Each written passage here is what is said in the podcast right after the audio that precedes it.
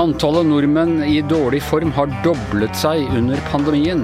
Og i morgen fyller det kinesiske kommunistpartiet 100 år. Er de i ferd med å beseire privatkapitalismen? Dette er Eurogjengen. Det er onsdag den 30. juni. I andre så er det svarteonsdag. Per Olav, husker du den historien der?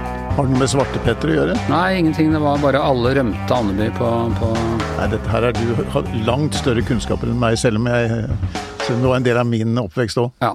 Nei, de rømte byen av pga. en gammel forbannelse, en gammel fra urfolk i Andeby som hadde kastet en forbannelse som gjorde at alle ble skallete hvis Ja, de var i byen på Jeg vet ingen som kan mer om dette enn deg, Anders. Nei, vi, vi stopper den der. Du, øh, men la oss snakke med, om, om kinesiske kommunistpartiet. De fyller 100 år i morgen, har du sagt til meg, men så gikk jeg inn på Wikipedia, og da sto det at det var ute i juli at de fyller eh, 100 år. Når er det egentlig de fyller Du 100 skal alltid sjekke slike ting.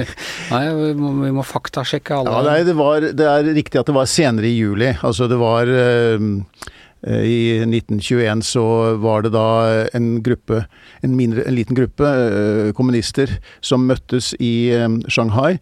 Eh, det var eh, eh, først den 27., tror jeg, juli, hvor dette partiet ble proklamert. De, de prøvde å ha et møte i Shanghai, og så var det det eh, eh, Politiet som fikk nyss om dette her, eh, og så ble, det- måtte de eh, forlate det møtelokalet, og så var det, dro de ut på en båt. var der partiet ble proklamert, eller dannelsen av partiet ble, start, ble erklært. Ja. Og, og det var altså 1. juli. Ja, men, Nei, det var ikke 1. juli, det var senere i juli. Men Mao bestemte på et senere tidspunkt at 1. juli det er den dagen vi markerer partiets uh, begynnelse. Hvis det er Mao som har sagt det, så Ja, Han så- bare valgte den datoen, hørtes ut som en fin dag. Ja, nei, men det, det er, vi går, vi går for, eh, for Mao her, og ikke disse revisjonistene som kom, eh, kom etterpå. Altså, eh, dette partiet, kommunismen, eh, ble erklært eh, lagt på historiens skraphaug eh, for evig og alltid. Mm, slutten av, eh, av 80-tallet faller muren i, i eh, øst, og, og kineserne ruller inn på Den himmelske freds plass og tar, tar livet av fredelige demonstranter. Og, eh, men nå er altså Kina faktisk en utfordrer, eh, først og fremst økonomisk, til, til hele Vesten. Og med kommunistpartiet ved ledelsen fremdeles. Ja, og det skjedde jo store og dramatiske endringer i Kina under Maos tid, men en av de viktigste eh, forandringene har jo skjedd etter Maos død, eh, med den pragmatisme eh, som kom på 70-tallet, eh, 80-tallet, med Deng Xiaoping og andre ledere som kom etter Mao, hvor de gikk over til markedsøkonomi. Det er klart at alt det som skjedde på 50-tallet og på 60-tallet med store, altså eh, katastrofale fe politiske feilgrep eh, og kulturrevolusjonen. Millioner av mennesker som døde. Nettopp eh, i sultkatastrofer og også i forfølgelse. Så, så det satte jo egentlig Kina langt tilbake. Det var jo når de åpnet for den markedsøkonomi som andre land i i, i regionen lenge hadde praktisert, at det også skjøt fart med den økonomiske utviklingen i Kina. Og spesielt har vi jo sett de siste 20-25 årene. De ble med i Verdens handelsorganisasjon. Nye markeder åpnet seg for Kina, og de ble da den globale makten. Eh, De, og ikke bare på eh, å produsere en masse varer som var etterspurt i vest, men også å utvikle, tek altså utvikle teknologi. De lærte, de tok fort opp eh, fra både Europa og Japan, lærte eh, og, og, og, satset voldsomt på teknologisk utvikling, slik at de i dag er eh, ledende på noen områder og høyt framme på andre områder. Um, innenfor ja, 5G er et eksempel, eh, kunstig intelligens et annet eksempel. Eh, og disse, disse tingene det, har partiet full kontroll over fortsatt, som de har over alt som foregår i Kina. Men sånne som du og jeg og Hans Petter Sjøli som også er her, og, og sånne, vi har jo alltid hevdet at, eh, at eh, økonomisk velstand er nært knyttet til demokrati og eh, frihet. Eh, vi så på alle de andre kommunist... Hele østblokken liksom kollapsa på sin egen, egen udugelighet, og, og, rundt 1990 så trodde vi at vi var ved, ved historiens ende, og at det liberale demokratiet var den eneste uh, ferdbare veien. Men her viser uh, Kina, som er et brutalt undertrykkende regime, som mangler pressefrihet og menneskerettigheter, og som driver med påstått folkemord i enkelte områder, å gå forbi Vesten økonomisk.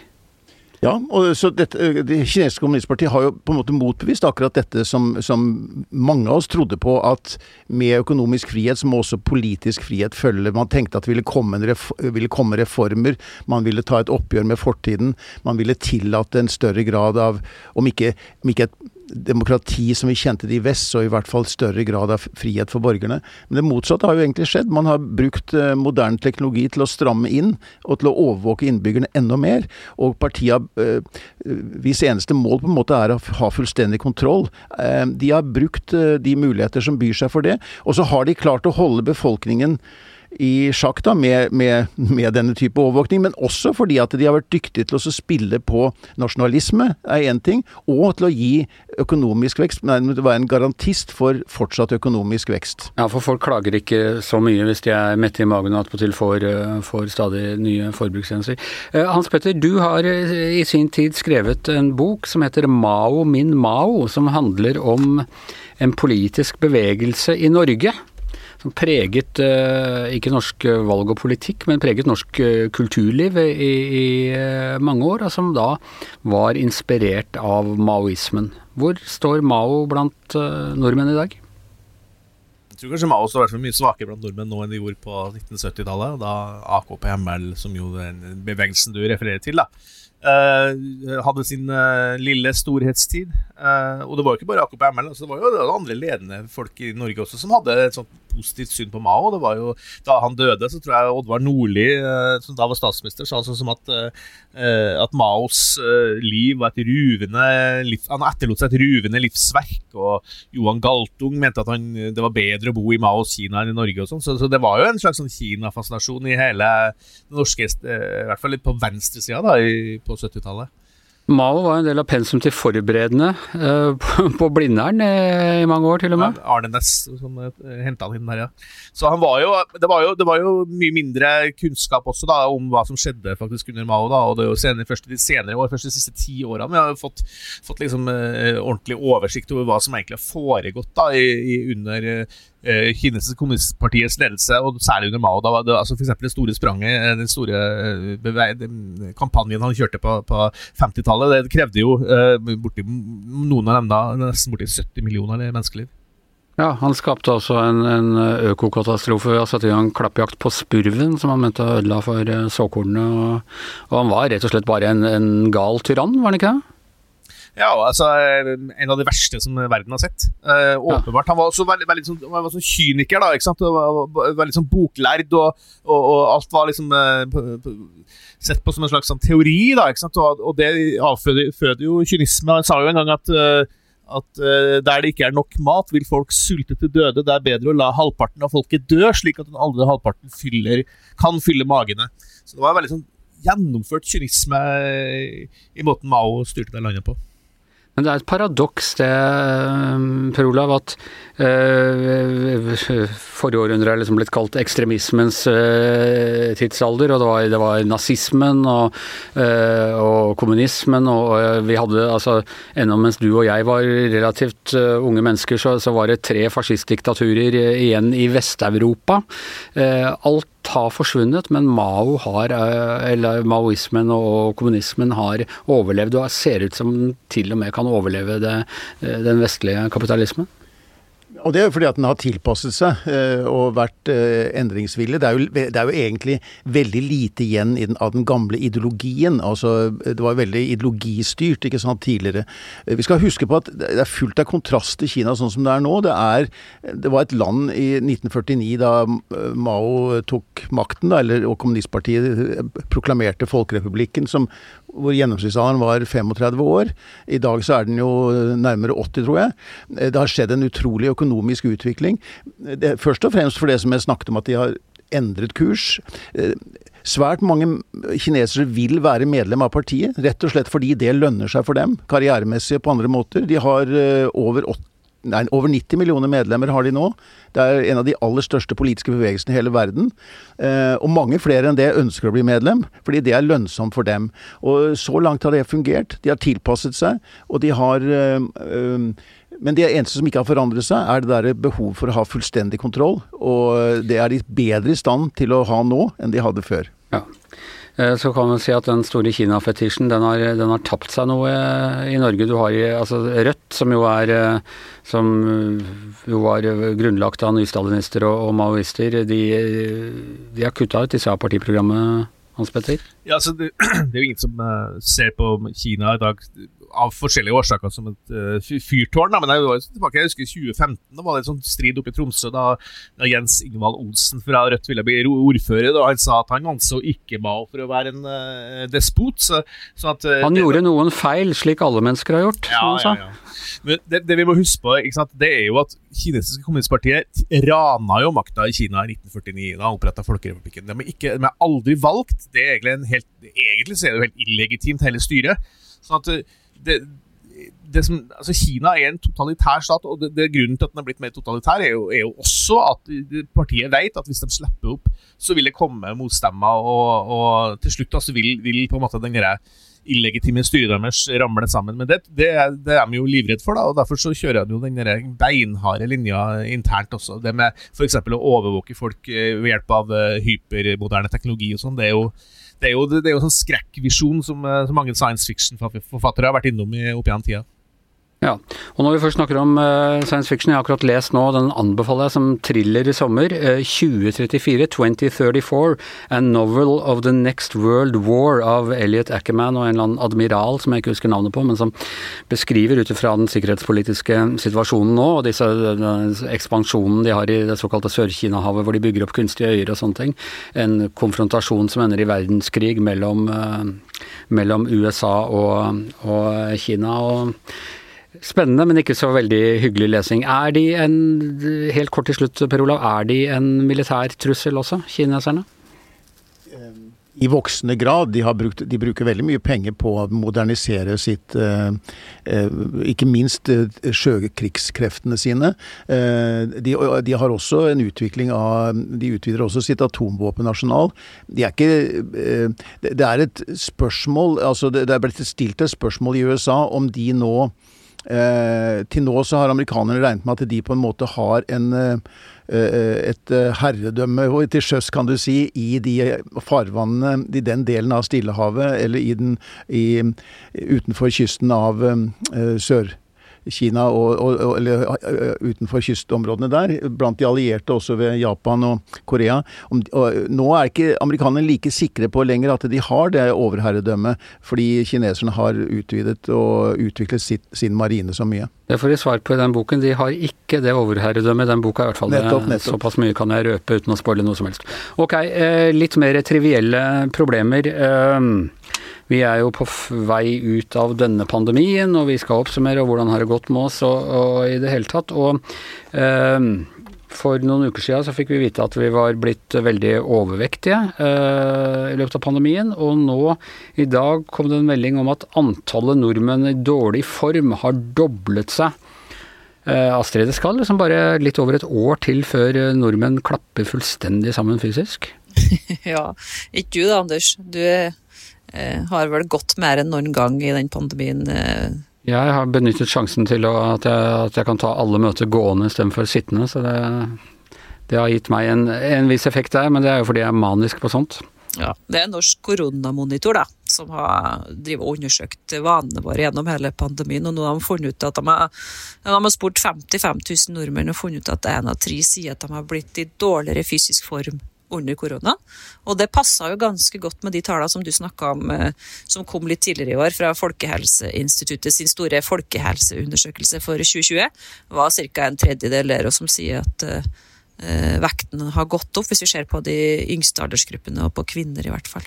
Alle har gått opp Eller ikke alle har gått opp i vekt, men vi har gått opp det store året som har vært her. Men det er vel ikke direkte overraskende når det altså jeg tenker på alle de der eh, småbevegelsene du gjør i hverdagen bare ved å komme deg på jobb. Uh, og, og, når veldig mange da, i hvert fall har vært uh, parkert uh, hjemme, så er det jo Og som det ble sagt på morgenmøtet her, med kortere tilgang til kjøleskapet, så, så, er jo det kanskje ikke så rart. Nei, altså det er jo slik at du bare kan åpne øynene og få aktivert den ansiktsgjenkjenninga på mobilen, så er det jo på kontoret.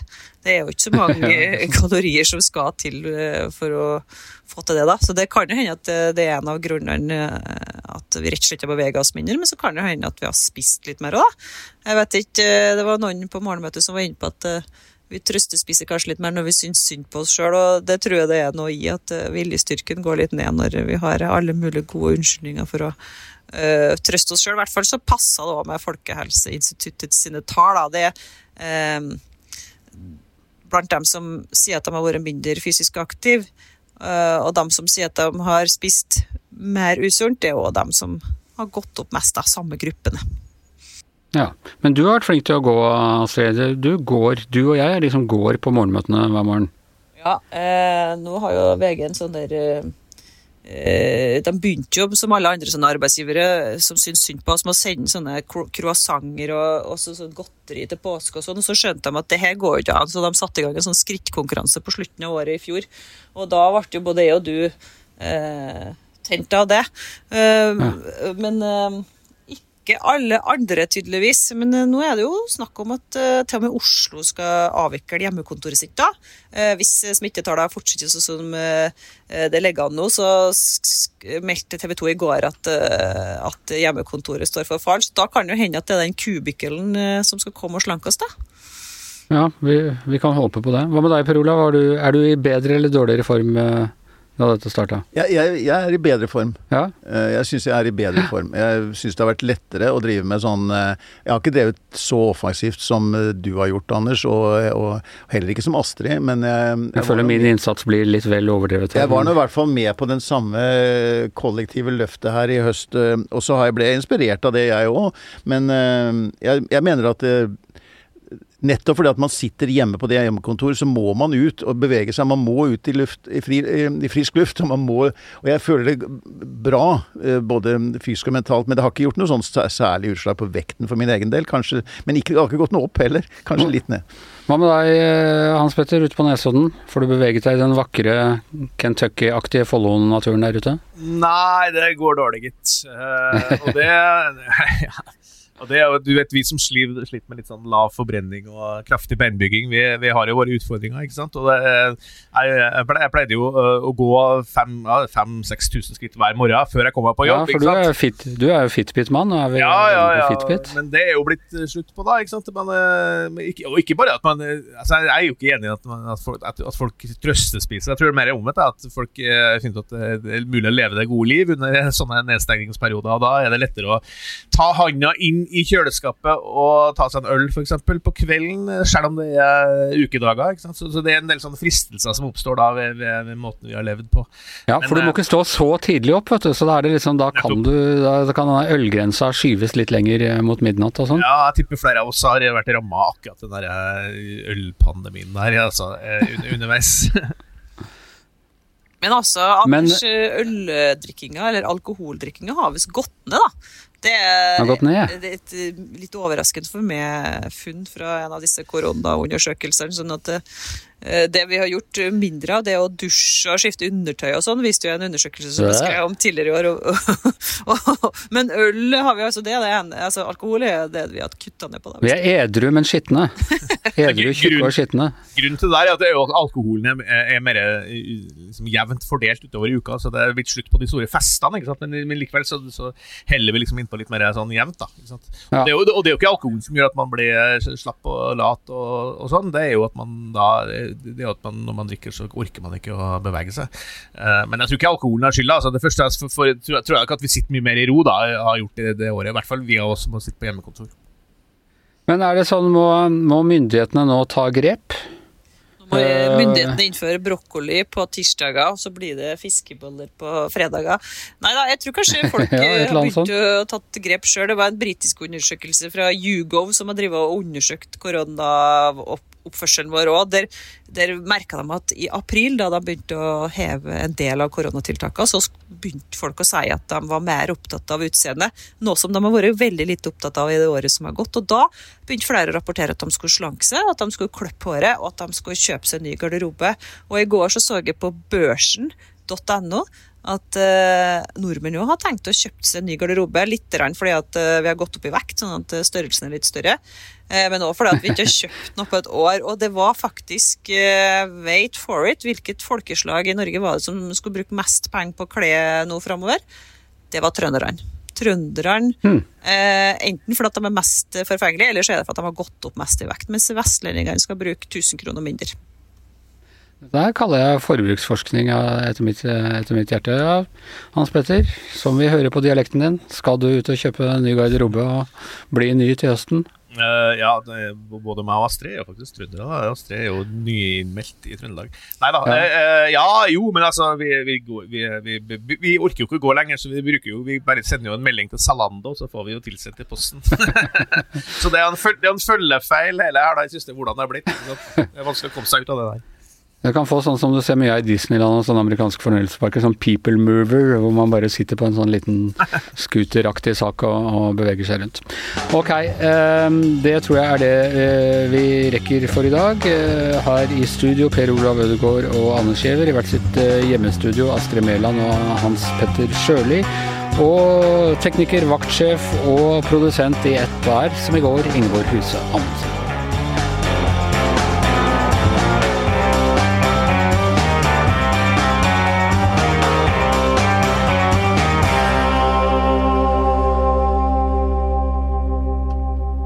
Du har hørt en podkast fra VG.